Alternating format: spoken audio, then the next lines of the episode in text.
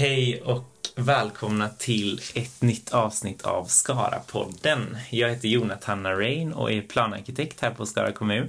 Och idag sitter jag här med Hugo Fransén. Ja, Och du är energirådgivare här. ja precis. Och inte bara här i Skara utan i hela, hela, ja, hela Skaraborg höll på att säga, men Ja. inte riktigt, men många kommuner här i. Västra Skaraborg är det, så det är sex kommuner som Just det. jobbar i, som är ett samarbete då mellan kommunerna. Ja. Så det innan, innan vi går in på vad det innebär och vad du, eh, vad du gör här till vardags så tänkte jag introducera dagens ämne. Och vi ska ju prata om två saker eh, som hänger ihop.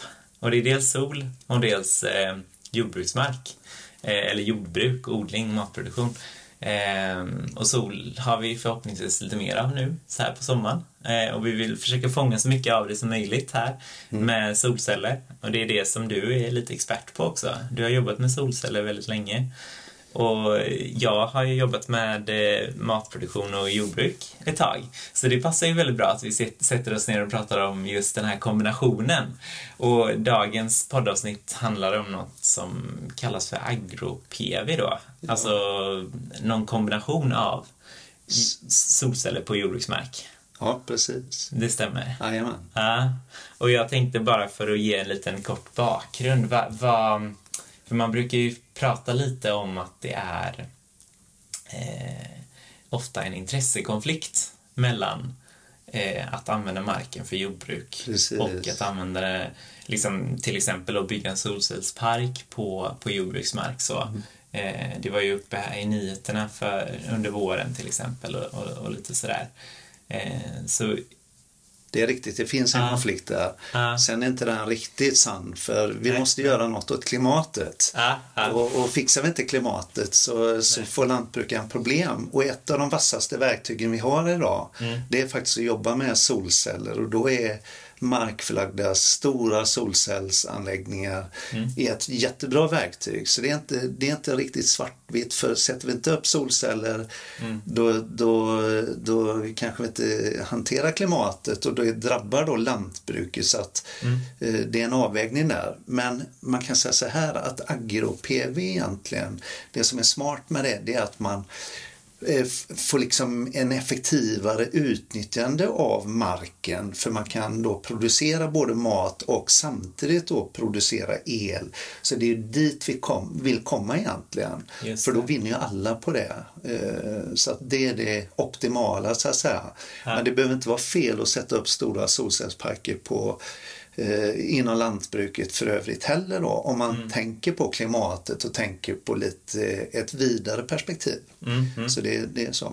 Men jag, jag skulle vilja prata Ja. lite om sol. Jag, jag Ja. är energi och klimatrådgivare Ja, och, och jobbar med alla då frågor som gör att vi kan minska vår energianvändning, Mm. spara pengar. Det har varit mycket vi har ju haft problem med höga elpriser till exempel och då, då gäller det att hitta sätt att att Mm.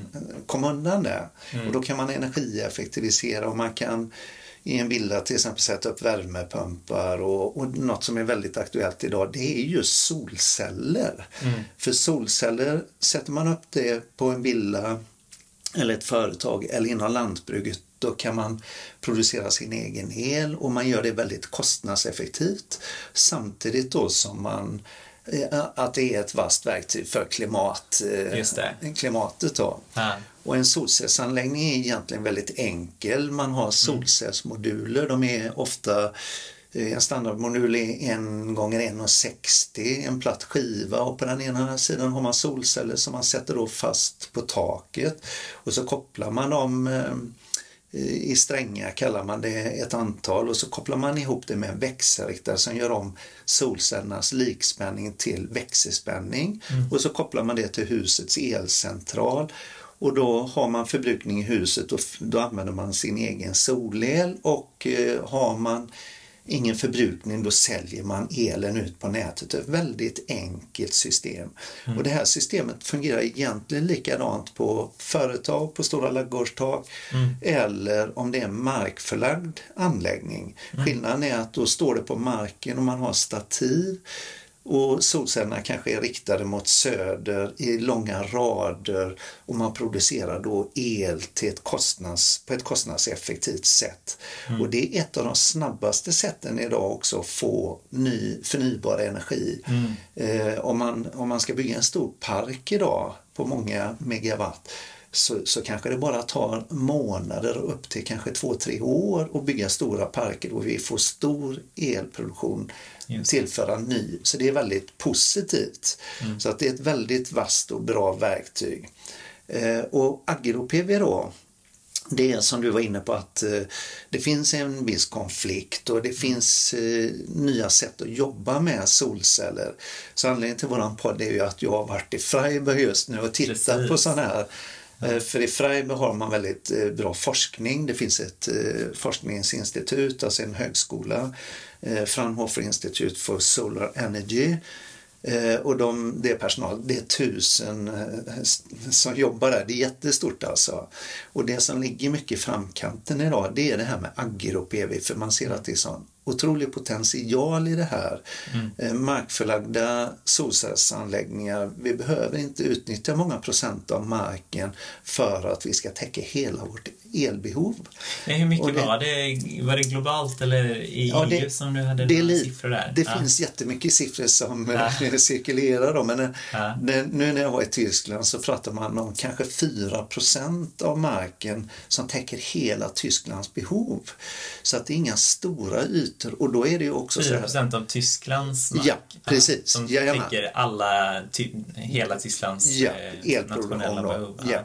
Så man pratar om procent och sen kanske det är 7-8 procent och det, det mm. skiljer och elsystemen ser olika ut.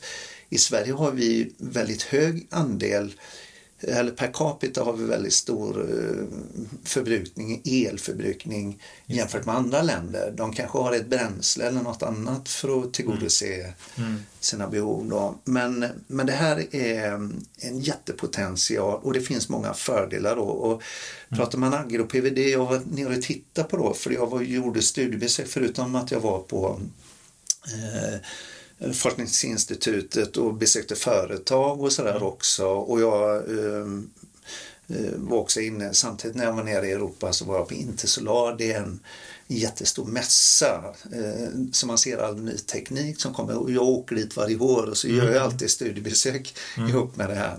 Men, eh, och då var jag ute och tittade på en typ av sån här agro-PV där man kombinerar då lantbruk med eh, solceller. Och de här solcellerna som man har satt upp på det jag tittar på då, det är att man sätter upp, eh, i vanliga fall så sätter man kanske upp solceller så att de riktas mot söder och kanske har en lutning på 30-40 grader och så är det som sagt långa rader.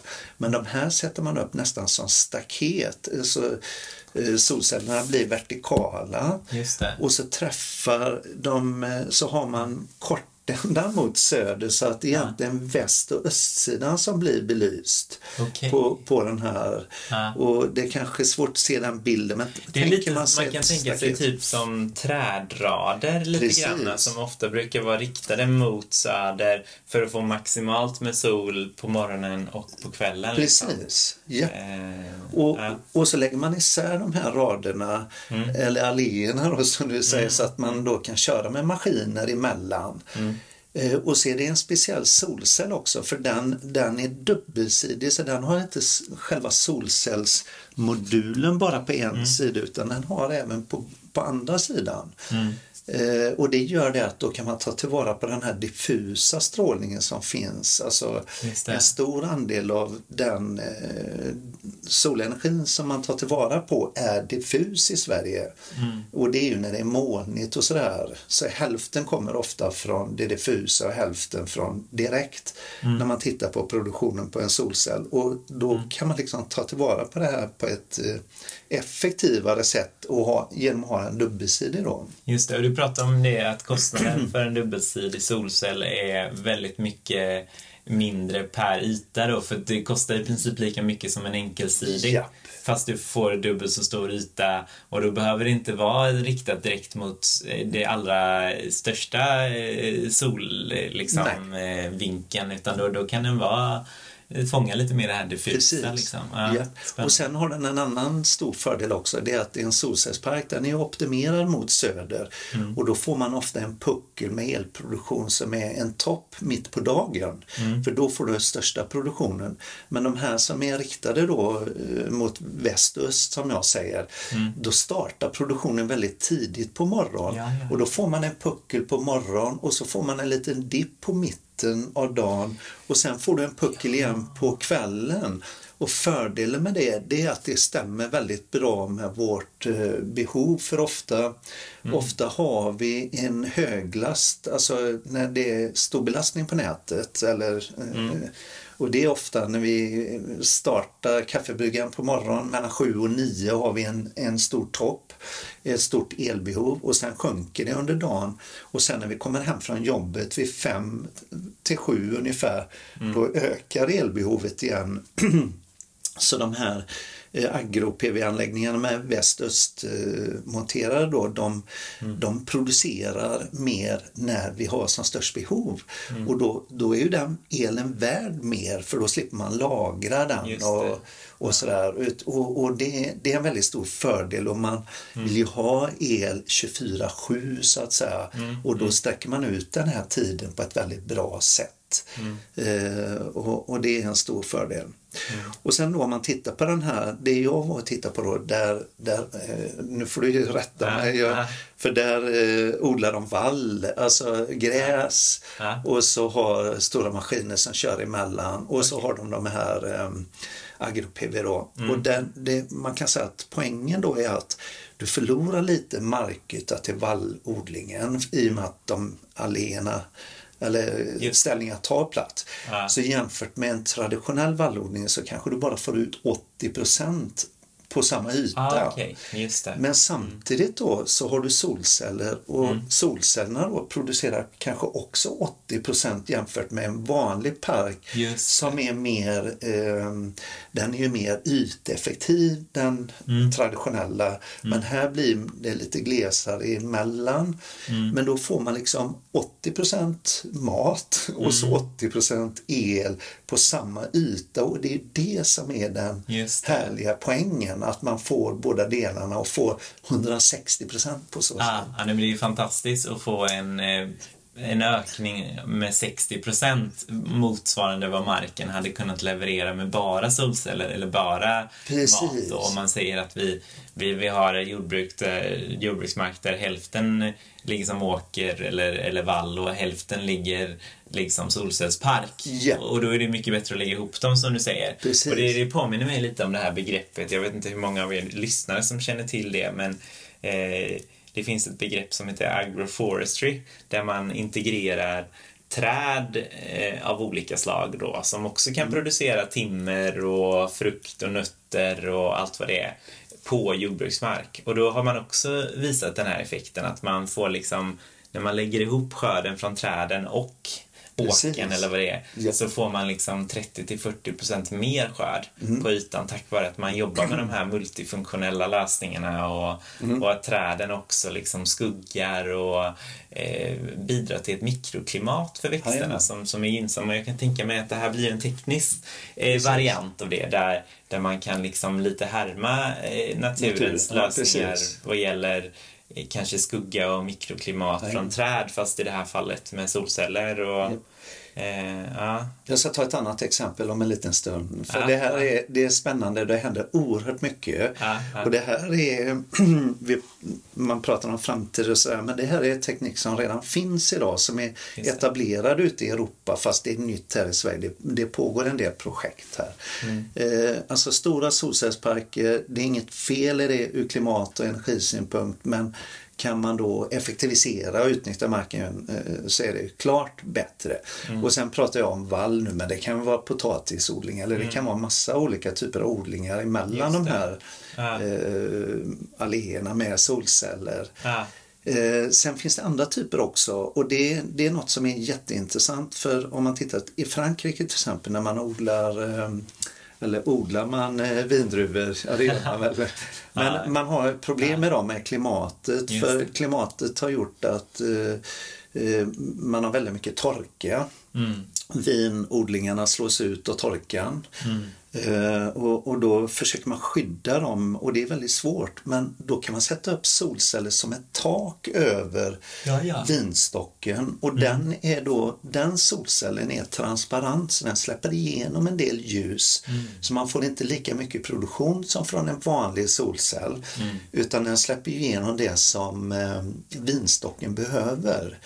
Eh, men samtidigt då så i och med att man tar bort en del sol så får man ett annat mikroklimat och behåller fukten i marken och eh, vinstocken överlever då.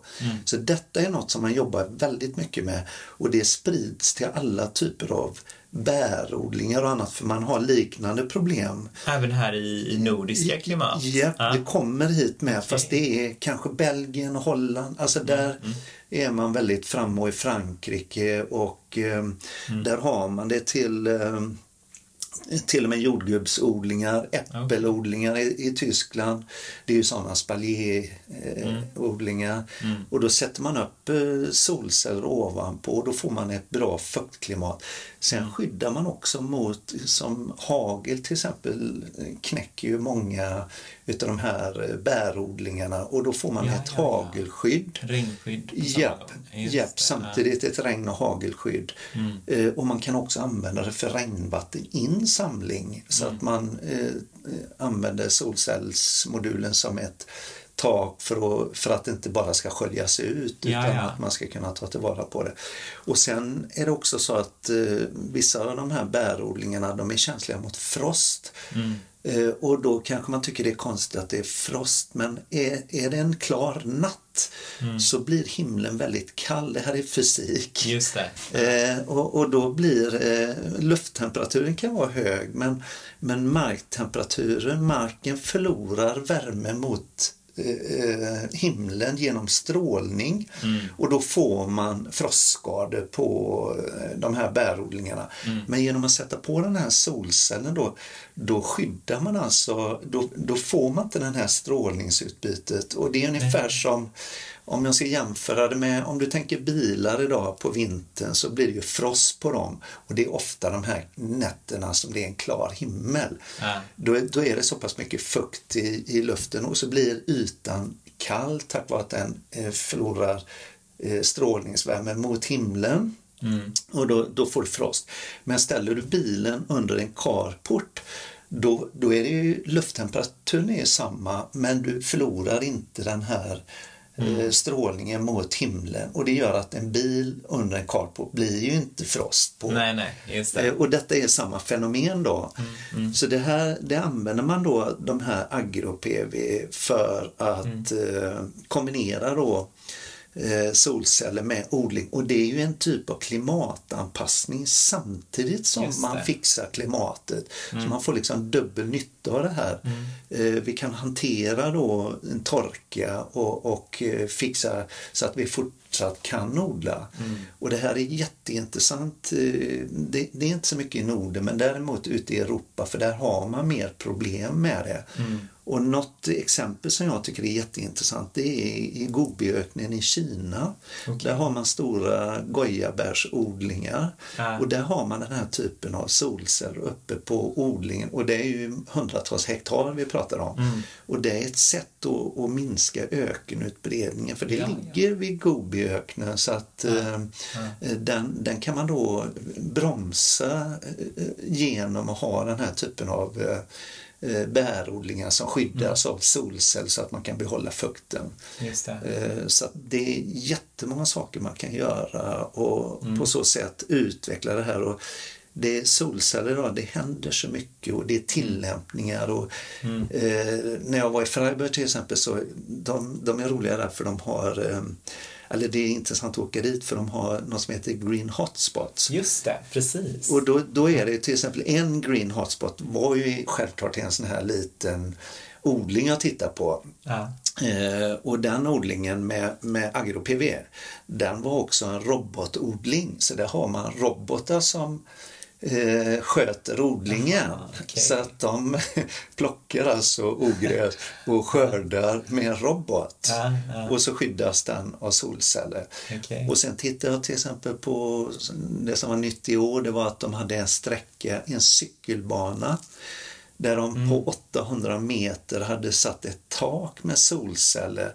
För då cyklisten som kommer dit slipper bli, som på sommaren, slipper han få solljuset i ögonen Ja, och på vintern, eller ja, när det regnar slipper han bli blöt. Så att detta är Mm. jättesmart. Och då kan de liksom fixa en, en motorväg som är skyddad för cyklister. Mm. Och det skyddet då är ju något som betalar sig jämfört med att ha ett vanligt tak, skärmtak.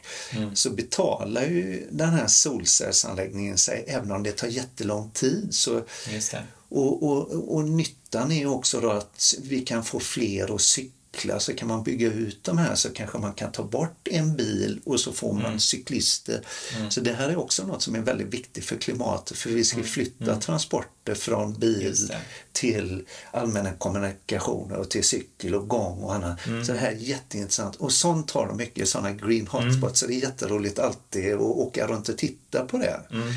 Eh, Men som sagt, nu är ju, mitt fokus var ju AgroPV då, Ja. i, och för sig då. Eh, Nere på mässan här i... och på mässan Ja, också ser man det som om man ska, mässan är jättestor. Jag och min grabb vi gick runt där och det tog tre dagar innan vi var runt. Då hade vi vissa guidade turer i och för sig Ja. på vissa saker. Mm. Eh, och det, det är nästan 100 000 besökare så att det, är- det är stort. Mm. Eh, hur många tusen utställare kommer jag inte ihåg, men det är alltså en, en enorm mässa. Mm. Eh, och eh, det som man ser hela tiden, det är nya tillämpningar. Man pratar om byggnadsintegrerat mycket, att Mm. eh, solcellerna utgör hela taket på en byggnad. Istället för att eh, det är något som man adderar uppe på så, så utgör solcellerna själva eh, takmaterialet och det blir som en, eh, ofta jämför man med om du har tegel Mm. eh, så är det en tvåstegstätning. Teglet är inte helt tätt utan det får rinna igenom på en underlagspapp och den skyddar dem mot vatten. Och här fungerar solcellerna ungefär likadant. Att du tar bort teglet och så skyddar det mot regn men, men du har en bra underlagspapp och så fyller man hela taket och får bättre estetik och man får s- mer produktion då också.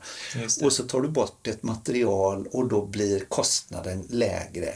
Så det är väldigt, eh, det, det är väldigt mycket, jobbar man mycket med nu och det är både fasader och tak och sen kommer det även in på bilar, att man sätter på, eller på fordon överhuvudtaget.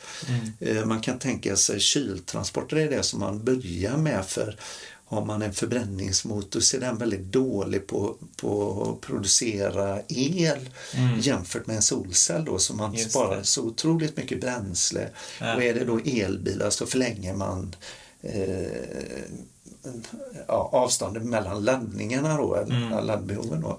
Så det här kommer jättemycket. Så det här är liksom teknik som är framtid som hela tiden utvecklas. Och, och när jag började med solceller för ett antal år sedan så kanske en solcellsmodul hade en effekt på 250 watt. Alltså det är ett mått eh, på effekten. Man provar dem vid 1000 watts instrålning och då får du 250 watts effekt. Eh, Det är alltså 25 procent ungefär Japp. av den solen som, som Ja, den, kommer. den är en, ja, det är inte riktigt så för den är 1,6 kvadratmeter ytan. Okej. Men Ja. vi kan säga, så jag jämför, eh, det är mindre än 20 procent då var Okej, det, 15. var det. Ja. Men idag, 2015 så här. 15-20 procent. Men idag är du uppe i, du snuddar på 25 procent. Så motsvarande modul idag, Ja. den är alltså fy, över, drygt 400 watt. Så från 250 till 400 watt. Wow. Eh, Och nu 410, kanske 420, så där ser man hela tiden hur det utvecklas. Små, små steg. Eh, Och det som också är viktigt då, det är att det här är en sån massproduktion, så när, när volymen ökar så sjunker kostnaderna. Eh, sen är inte, solceller görs mycket i Asien och man, man kan ha synpunkter på att det är kin, kinesiska produkter och sådär.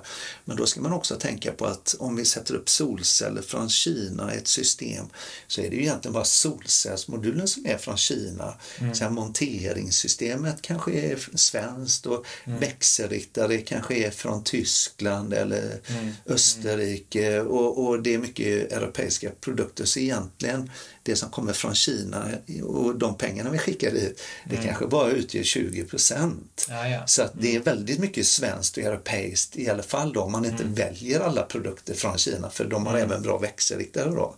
Ja, det, det, är en viktig poäng att, att hålla reda på att system... Att mycket av pengarna ändå stannar här i Sverige hos de eh, entreprenörerna som, som installerar och, och jobbar med det. Och, med så vi skickar inte pengar till Kina på det sättet nej, som nej. man ofta i debatten tror. Ja. Utan en del, just modulen är de så oerhört skickliga på. Mm. Och det här är ju stora företag som omsätter miljarder. De har renrum, det är alltså spjutspetsteknik. Mm. Mm. Och den är mycket från Tyskland. Det, det byggs även i USA och på andra ställen och i mm. Tyskland självklart. Det är mycket mm. tysk teknik som mm. är exporterad till Kina och sen har de tagit över och är ledande idag.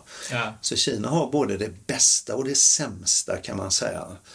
Eh, så ofta de här top performer då, om man letar efter de bästa så är det ofta asiatiska moduler. Mm. Så även svenska eller moduler med ursprung i Norge och Sverige, REC till exempel, de, de tillverkar sina i Asien och det är bland de vassaste modulerna som finns. Mm.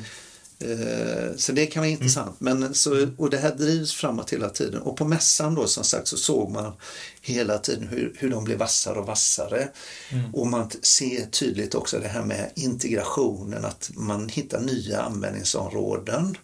Att de kommer på bilar och fordon och, och så här. Och hus och, ja. och, sen, och på jordbruks, eh, som, som, en multifunktionell ah, ja. lösning på jordbruksmark ja. för att också skapa mikroklimat. Och ja, det och då, som agro-PV ja, är. Och, den, det var den stora delen som mm. jag såg i år. Okay. Sen är vi olika mm. besökare. Jag träffar träffade många eh, från Svensk Solenergi. Vi hade en, eh, en middag där nere. Ja. Och när man pratar om dem, de har olika inriktningar okay. och, och, då ser de olika saker.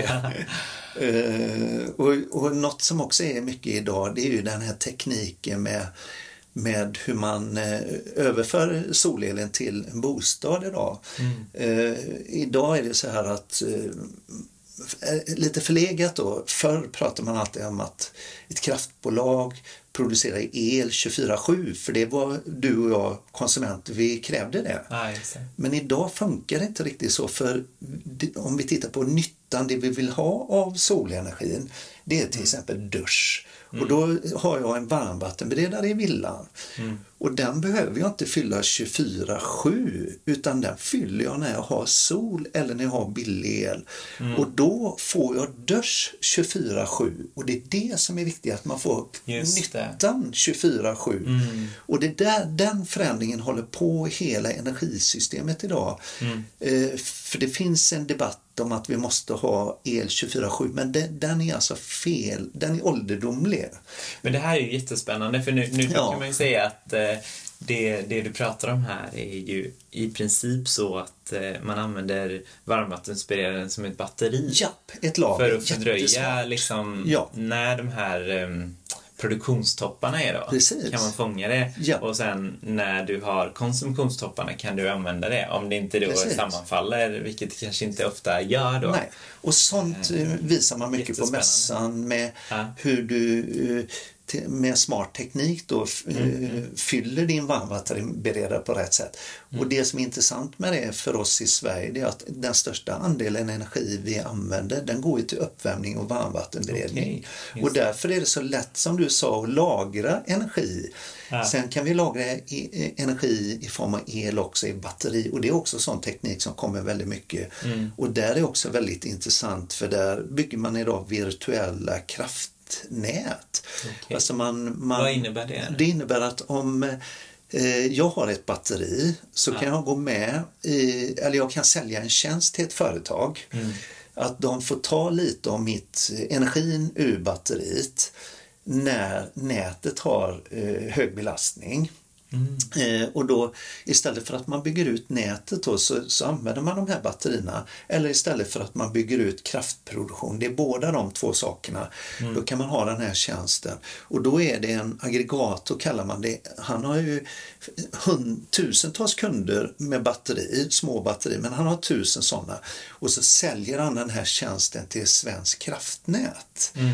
Och då får de väldigt bra betalt och då får man bra betalt för att de får låna det här batteriet och det kan Mm. vara sekunder, minuter eller några eh, någon timme men det är ofta små mängder energi. Men just Mm. när de här topparna är då, som vi pratar om på morgonen och på kvällen, och då fixar man hela energisystemet med det här. Ja, ja. Och då, då slipper man bygga ut nät och du behöver inte ha elproduktion 24-7 utan då Mm. löser man det med det här virtuella knaff, kraftnätet. Spännande. Jag Ja. tycker det, det är två saker jag tänker på när jag hör det här med virtuella kraftnät. Det är dels att eh, eh, de här effekttopparna som, som man brukar prata om, som jag är inte så superinsatt i det här med energi och el och sådär, men jag har förstått det som att det är en av de utmaningar man har i, i branschen. Jajamän. Att kunna nå upp till den här effekten. Och då är, tolkar jag det rätt att de här eh, den här, det här skulle kunna vara en lösning på Det det? är, det en Ja. lösning. Ja. Och, och i, i Tyskland som, där man ligger lite före oss, Mm. där har man använt det här tidigare som till exempel en nätägare här vill inte att jag ska bygga för stor solcellsanläggning. Nej, okej. I Tyskland har man gjort så att då, då ingår det också i, i det här nätverket att då får de klippa av Ah. solen när det blir för mycket sol i ett begränsat nät. Alltså det är ofta på landsbygden där man eh, där frekvensen ökar och det kan skada saker för man kan inte ta hand om elen om många har solceller. Och det, så man har redan den här tekniken och allting Ja, handlar ju ja. om digitaliseringen. Och så det är ett skifte nu och, och det där är viktigt att förstå för förstår man inte det då, för, då är det också svårare att förstå att vi kan använda så mycket sol som vi kan göra. Det. Utan det gäller att förstå båda de här delarna, att vi har väldigt Mm. mycket sol. Och bara som ett exempel för att beskriva hur mycket sol vi har.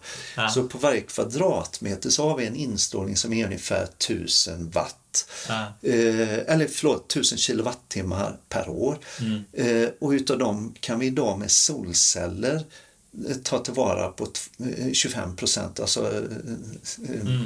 Och det här motsvarar alltså 100 liter olja på varje kvadratmeter och vi kan med hjälp av solcellerna ta tillvara på 25 så man, man måste Mm. förstå det här och sen eh, pratar vi ofta om att ja, men vi har ju bara sol sommartid och då behöver vi inte energi. Men det, där, det gör vi. Mm. Däremot är det så här att om vi tittar på alla 12 månader så är det självklart så att på vintern när solen står lågt och eh, knappt kommer över horisonten och solen är bara uppe eh, några timmar, då kan vi inte samla så mycket solenergi Nej. jämfört med en sommarmånad då, där, där solen är uppe väldigt länge. Och, och då brukar Ja. man säga så här att i Tyskland brukar vi, man räkna med att vintersäsongen kanske ger en femtedel jämfört med sommarsäsongen. Någonstans en femtedel eller en sjundedel Okej. om man tittar på en månad. Men då måste man förstå att bygger vi då sju gånger, då täcker vi våra behov. Alltså, så, Ja, ja. så det, det är Ja. inte det att... eh, Du menar att men- då får man lite överskott på sommaren då? Som man, precis. som man kan eh, bidra med till nätet eller... Ja. Alltså det här ordet som vi pratade om alldeles nyss som jag inte riktigt kommer ihåg. Eh, som, som du sa kunde lösa de här effektbehoven. Ja. Och sådär. Jag kommer att tänka på, vad, vad kallar du det här? Virtuella kraftnät. Virtuella eller- kraftnät, ja. Japp. För jag kommer att tänka på, nu har jag bara sett det här i någon film säkert. Eh, Kan Ja. det vara den här eh, 2040-filmen? Eh, där pratar de om microgrids. Och Ja, det är väl lite precis. samma sak Ja. där. Och det är det som var den andra saken jag tänkte på nu när du berättade här att ehm, att de här, eh, det skapar en slags resiliens och re- Precis. redundans i liksom hela, egentligen hela samhället, men Ja. framförallt elsystemet då att om det är så att strömmen går någonstans så, så behöver inte strömmen gå i hela systemet utan då är varje sån här liten microgrid eller var, varje sånt litet elsystem med eget batteri mer oberoende av de andra och, och kan liksom stötta upp varandra. Och det tycker Ja. jag är en jättespännande Ja. idé. Det, det är väl egentligen lite samma sak som att vi som att jag kan tänka och tycka att vi behöver producera maten lite mer lokalt och ha lite mer lokala Precis. kretslopp. Att på samma sak med elen här så, Mm. så, så är det ju ingen dum idé att producera den mer lokalt och ha lokala sådana här eh, kraftnät. Japp, och en stor vinning Mm. är just att vi kan ha en decentraliserad produktion jämfört. Mm. med den här centraliserade. Eh, För man, man brukar prata om väl, utmaningarna med solel, att eh, Mm. det finns en massa saker som vi måste hantera då. Eh, Men samtidigt är det också en massa fördelar med det decentraliserade systemet och de kommer ofta inte fram. Till exempel då att en nätägare har jättestor nytta av att elen produceras lokalt för då slipper han köpa el från Norrland som har väldigt stora förluster. Så Ja, ja. eh, där har man alltså kanske 9-10 procents förluster innan elen kommer fram till förbrukaren.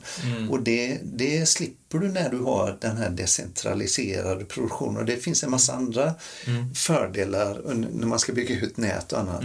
Eh, sen finns det, det är ju jättemånga utmaningar för det här är nytt. Ja, Eh, det är ny teknik och det är ett nytt sätt att tänka. Som jag sa, nu ska vi tänka dusch 24-7. Vi behöver inte tänka el 24-7. Så det är liksom, alltså vi ska se på energinyttor och inte elproduktion. Den är egentligen ointressant. Det är egentligen bara de stora kraftbolagen som vill att vi ska ha det perspektivet för de tjänar pengar på det här. Ja, ja, ja. Och, och tyvärr kommer de bli förlorarna nu när vi får den här decentraliserade produktionen för företag kommer ju satsa på egen solel. Den är så billig idag så man kon- kommer konkurrera ut de här Ja. traditionella. Nej men det jag tänker på Ja. är ju, det är ju lite det här, det var ju en stadsdel i eh, Freiburg som heter Vauban va? Ja. Som, som var i princip, eh, jag, jag googlade lite på det här kul. och eh, hörde att det var Eh, vad var det de kallade det? Eh, i, Europas... Eh, ja, he- hela Freiburg var väl någon form av solstad Ja, på något sätt. Men just den här stadsdelen Ja. producerar ju då eh, mer el än, vad de behövde på, på husnivå. Liksom. Precis. Och jag kan tänka mig då att när man gör ett sånt här eh, krafttag i en ny stadsdel, att man också kan bygga ihop det här i någon form av mm, ja, eh, kraftnät. Liksom. Jajamän, det gör och ha batterier och kunna ha liksom, eller vatten, varmvattensberedare som Precis. hanterar Jajamän. Liksom. Var det lite så det fungerar? Jajamän, du som var det- där och tittade, vad, vad hade du för reflektioner från den? Ja men det är det. Och det, det är som du säger, det är, det är ett helt koncept när det gäller byggandet och man tittar på, eh, alltså man, det vi pratar om passivhus och där så här. Ja. Alltså man gör husen väldigt energieffektiva så att det inte går åt så mycket energi. Och så ser man till att man använder takytor för att producera el. Och då, då får man ett överskott, ja men då säljer man ju det till grannen. Eller, och, och så länge vi har elproduktion i Europa som är eh, baserad på fossila bränsle så gör ju inte ett överskott ont. Eh, Många tycker idag, för vi har ju en Eh, Alltså, priset sätts ju på Nordpol Mm. och idag som i söndags till exempel, igår, då hade vi ju negativa priser. Aha. Alltså, då är, du får elen, alltså Ja. den kostar inget. Nej, nej. Eh, Och det tycker då mm, många är negativt. Men det är ju inte negativt, det är jättebra om det blir många en lång period med, med så låga priser, ja men då kommer någon köpa den här elen och för oss i Sverige så är det ju väldigt troligt att man gör som när kärnkraften introduceras, att man låter fjärrvärmebolagen ha elpannor så då tar de hand om den här i billiga elen. Och då slipper de producera värme eh, som går till varmvatten då sommartid med hjälp av biobränslen och då kan de spara de biobränslena till vintern och så använder man de här och då får du upp priset på elen. Förstår du hur jag menar? Alltså marknaden kommer sköta det här. Så det är ju jättebra om vi får låga priser för då är det någon som kan producera vätgas med den låga Ah, ja, energin eller så Ja. kan du använda den i fjärrvärmenätet i Sverige. Så att eh, det, det handlar ju bara att vi ska hitta att det blir en balans på det. Men många pekar ju på det nu som en, något negativt. Men det är ju inte negativt att elen blir jättebillig. Nej, nej. Det, det är ju det vi vill. Ah, vi vill ju pressa ner priserna Ja. och få ökad produktion. Ja. Så att nya användningsområden kommer komma, nya sätt att lagra energin Mm. och, och framförallt eh, vätgasproduktion. Mm. Och där kan man ju också säga att Eh, de här stora förändringarna idag med ny teknik, eh, vi ska producera stål med vätgas. Och då är det ju så att de som gör det, de vill inte ha el 24-7, de vill ha järnsvamp 24-7 som de kan producera stål. Mm. Och eh, steget innan är ju då vätgas och det är likadant med den. Den kan du producera Just när det. det. finns ett behov och så lagrar du den. Det är också du- en form av batteri, precis Ja, som precis. varmvattensberedaren. Ja. Liksom. Ja. Och det, Mm. det är jättestora nya behov som kommer på eh, som man ofta pratar om och det kan vi täcka med sol. Så ju Mm. mer sol vi bygger, ju mer agro-PV, och, för det handlar om yt, utnyttja Mm. ytan smart och likadant när vi jobbar med takintegrerat då. Då är det också en kombination att jag tar bort ett takmaterial Ah, ja. och sparar pengar på det. Ja. Och, det och, och tar jag bort ett takmaterial då är det ju också så att vi har en miljöbelastning även om vi tar bort betongtegel så Ah, ja. slipper jag ju cementframställning och betongframställning som är, ja. Ja, Så ja. det är ju många vinningar där så man måste ju se det här med lite Mm. vidare Mm. avgränsningar för att se eh, fördelarna. För det här är, sol är eh, framtiden som redan är här. Mm. Eh, Vi ska bara hitta sätt att jobba med det och få bort hindren. Mm. När det gäller agro-PV till exempel så är ett litet, en liten utmaning Ja, är- vad är utmaningarna precis? det finns flera stycken Ja, och bland ja. annat planläggning då. Okej. Eh, Och du har till exempel eh, jordbruksstöd som inte går hand i hand med det här. För skaffar du Ja. agro-PV då är det en elproduktionsanläggning och då får du inte jordbruksstöd. Nej, nej, Så det är, det är mycket sådana regelverk som är föråldrade som vi behöver ändra på. Och alltså det, stödsystemen hänger inte riktigt med. nej. Och lagar hänger inte med eh, hur man bygger batteri och vem som ska äga dem. Nätägare får, får till exempel inte sälja el och då, Mm. då gör det att det är svårt. Alltså, Och det, fin- det finns jättemycket hinder som är mer administrativa, lag... Eh, Mm. Men, men tekniken finns och det, det är egentligen, om man ska avsluta detta för nu har på nästan, så Ja. kan man säga att det, det, det, det är oerhört hoppfullt med solenergi. Ja. För vi vet att inom ett antal år så kommer ungefär 80 procent av all vår energi, Mm. elförb- eh, alltså komma från sol. Eh, Och det är egentligen vad vi ska göra är att försöka bädda för det så snabbt som möjligt för då fixar vi även klimatet och vi får ner Mm. elpriserna och det är nyttigt för konsumenten och vi ska inte eh, Tyvärr är det så att vi tar ju från kraftproducenternas vinster men det, det är ju vi som företagare och privatpersoner som ska ha eh, Mm. låga elpriser och fixa klimatet. Mm. Men det är väldigt hoppfullt då. Så som privatperson kan man tänka att eh, solel är ett jättebra sätt att, att skaffa el och göra något åt klimatet. Man behöver inte ha klimatångest. Bor man i ett eh, bostadshus så kanske man kan få fastighetsägaren att skaffa det. Och det. man kan skaffa till eh, alltså små enkla användningsområden också. Om man är ute och campar så skaffar någon mobil, solcell och ser hur det funkar och man lär sig. Och, Så det finns jättepotential där och lantbrukare som sagt de får nya affärsverksamheter. Så tittar man på Just det, det. på det sättet så är det ju ett, Plötsligt så kan du vara liksom 80 procent eh, ehm, vad heter det, grönsaksbonde eller vallbonde eller spannmålsbonde då och sen så 80 procent eh, energibonde på samma yta. Ja. Så då blir du 160 procent bonde istället för Precis. 100 procent bonde. Det är, Ja. det är bättre än Bonderöven där, det här eh, Precis. danska programmet. kanske är nya titeln där. 160 procent bonde. Eh, Man ser ju faktiskt att det är så i Tyskland, de som satsar tidigt på biogas och vindkraft och sol, Ja. de, de tjänar ju mer pengar på det än på lantbruket. Oj.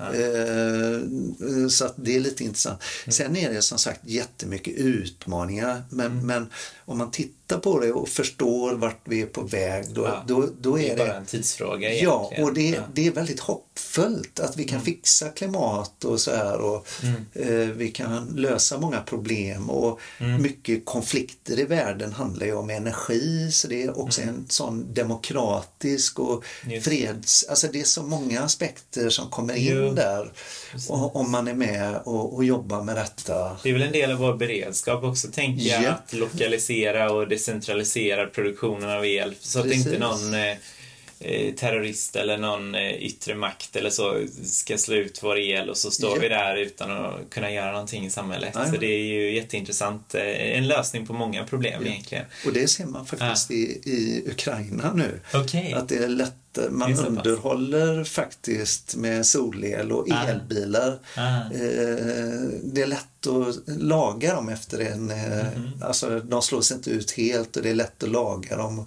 Även om det är en liten produktion så får de igång produktion. Så man ser att det är väldigt, som du sa, resilient, stabilt. Och, Men du, jag tänkte på Ja. en sak. Om, om man nu är, är nyfiken på och vill eh, satsa på solceller på, sin, på sitt hus eller på sin lantbruksfastighet. Eh, kan, man, kan man kontakta dig som energirådgivare då? Om, om man Precis. bor i en av de här kommunerna. Vill du berätta vilka kommuner är det som du eh, ja, det, jobbar det, som rådgivare ja, det är, Och vilken roll har du? För du är ju en oberoende rådgivare. Ja. Du, ska ju, du, du är ju du är inte någon som säger att det här företaget är bättre Nej, för att du har inga precis. avtal med några särer. Och du, heller, du är väl oberoende även gentemot kommuner så. Så Precis. även om du sitter här i Skara kommun officiellt så jobbar du för alla kommuner och är oberoende så.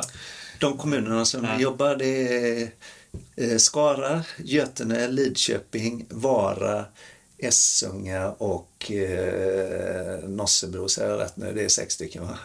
Jag missar ingen. Men det är de sex. Det är NLT Ja. utgivningsområde har jag lärt mig. Okej, Men inte sen- Grästorp? Eh, Jo, inte. Grä, Ja. Grästorp. Just det, ja. Eh, Nossebro och Essunga är samma. Ja, just det. Alltså, precis. Det är lätt att Grästorp. blanda ihop. Japp, Ja. japp.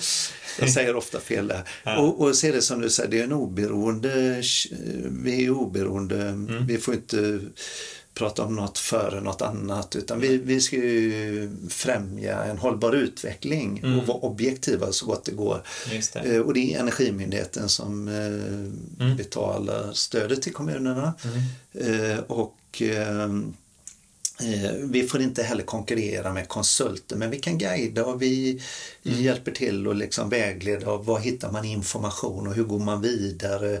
Mm. Och man kan få de här stora penseldragen, eh, vad, Mm. vad som är bra och dåligt och vart vi är på väg någonstans. Och, Mm. Lite om klimatnytta och sådär. Och sen mycket är sol idag för det är så pass intressant. Sen finns, vi måste både jobba med tillförsel av energi Mm. men vi måste också minska vår energianvändning på olika sätt. Ja. Så att det, det är två delar som man vet vi måste jobba Mm. med om vi ska uppnå klimatmål och om vi ska ha bra pris på energi. Eh, och Och ni rådgiver lite i båda de kan Jajamän, man då ger man eh, precis. Och ett, ett tips eh, för er som inte har hört det så, så höll du en föreläsning om energieffektivisering va? Bland annat. Var det inte Ja, så? och det stämmer. som också är inspelad på den här podden. Ja. Eh, så den kan man lyssna på också om man Mm. är nyfiken. Eh, och jag höll också en, en föreläsning om eh, lokal matproduktion och hur man kan bli mer självförsörjande på mat. Mm. Eh, båda temana som berör lite dagens fråga. Men eh, det får ni spana in om ni inte har lyssnat på dem. Men jag tänkte vi skulle avsluta här lite med en fråga som jag, som jag tänkte jag skulle börja ställa till alla podd, ja, besökare här som vi har med oss i podden. Och det är, vad tycker du vad är du mest stolt eh, över eller vad, är du, vad tycker du bäst om med eh, Skara och Skaraborg? Ja, Skaraborg, alltså det finns jättemycket. Eh, det, just om vi tar Skara, när jag har, för jag har ju inte hållit på i Skara så länge. Eh, och just den här arbetsplatsen, Skara kommun då, med det jobbet som du håller på med, med när man eh, diskutera de här matfrågorna och lite från olika perspektiv. Mm. Eh, det är nästan lite stadsodling eller det, mm. det är alltså, ska in i eh, bebyggelsen på ett annat sätt och mm. mm. integreras där.